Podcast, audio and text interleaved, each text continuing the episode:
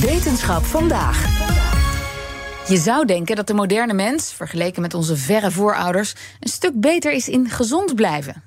Toch wordt er de laatste tijd juist naar Neandertalers gekeken als het gaat om onze toekomstige gezondheid.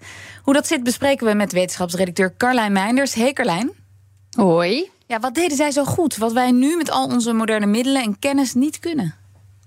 Sowieso uh, leren onderzoekers al jaren heel veel over onze geschiedenis aan de hand van oeroud DNA-materiaal. Dat vinden ze bijvoorbeeld in iets als tandplak.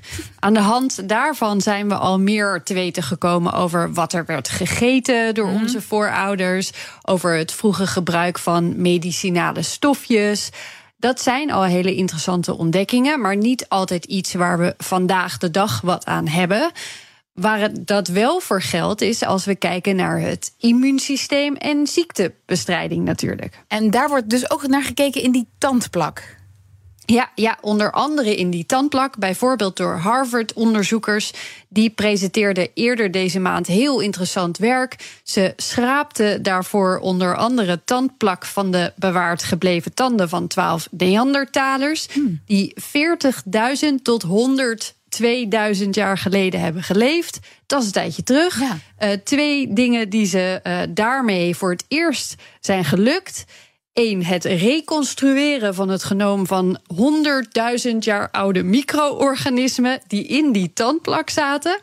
En het weer tot leven brengen van moleculen uit die tijd. Wat een klusje trouwens. Ja. ja. Maar waarom zijn andere onderzoekers hier niet eerder in geslaagd dan? Nou, het is echt gigantisch ingewikkeld om dit voor elkaar te krijgen. Er zijn wel andere onderzoekers succesvol geweest op dit gebied, maar het is ongelooflijk veel werk. Helemaal als het genetische materiaal zo oud is en daarmee ook deels vergaan. Uh, neem het genoom van een bacterie bijvoorbeeld. Dat is zo'n 3 miljoen basisparen lang. Hmm. En wat daarvan overblijft na zo'n lange tijd zijn misschien 30 tot 50 ja. basisparen. Dat is echt een fractie daarvan. Dat maakt het al gigantisch lastig om één bacterie weer in elkaar te puzzelen. Als je tandplak hebt waar al die bacteriën in zitten. Maar het is ook nog eens zo dat in die tandplak miljoenen verschillende genomen zitten. Um, ja, wat is in het verleden dan veel gedaan? Je legt deze genetische fragmentjes naast een database van bestaande genen. En zo kijk je wat je hebt gevonden. Nadeel, zo zie je alleen genen die nu ook nog bestaan ah of die verwant zijn. Maar zo ontdek je natuurlijk geen nieuwe. En wat hebben ze dan nu anders gedaan? Ze hebben nu juist wat ze vonden in de tandplak als basis genomen. Heel veel data verzameld daaruit. Dat door computermodellen weer in elkaar laten zetten. En dat lukte ook enigszins tot hun eigen verbazing, zelfs met hele oude en hele korte stukjes DNA. Uh, eh, ze vonden daarin vooral mondbacteriën, dat is niet heel verrassend.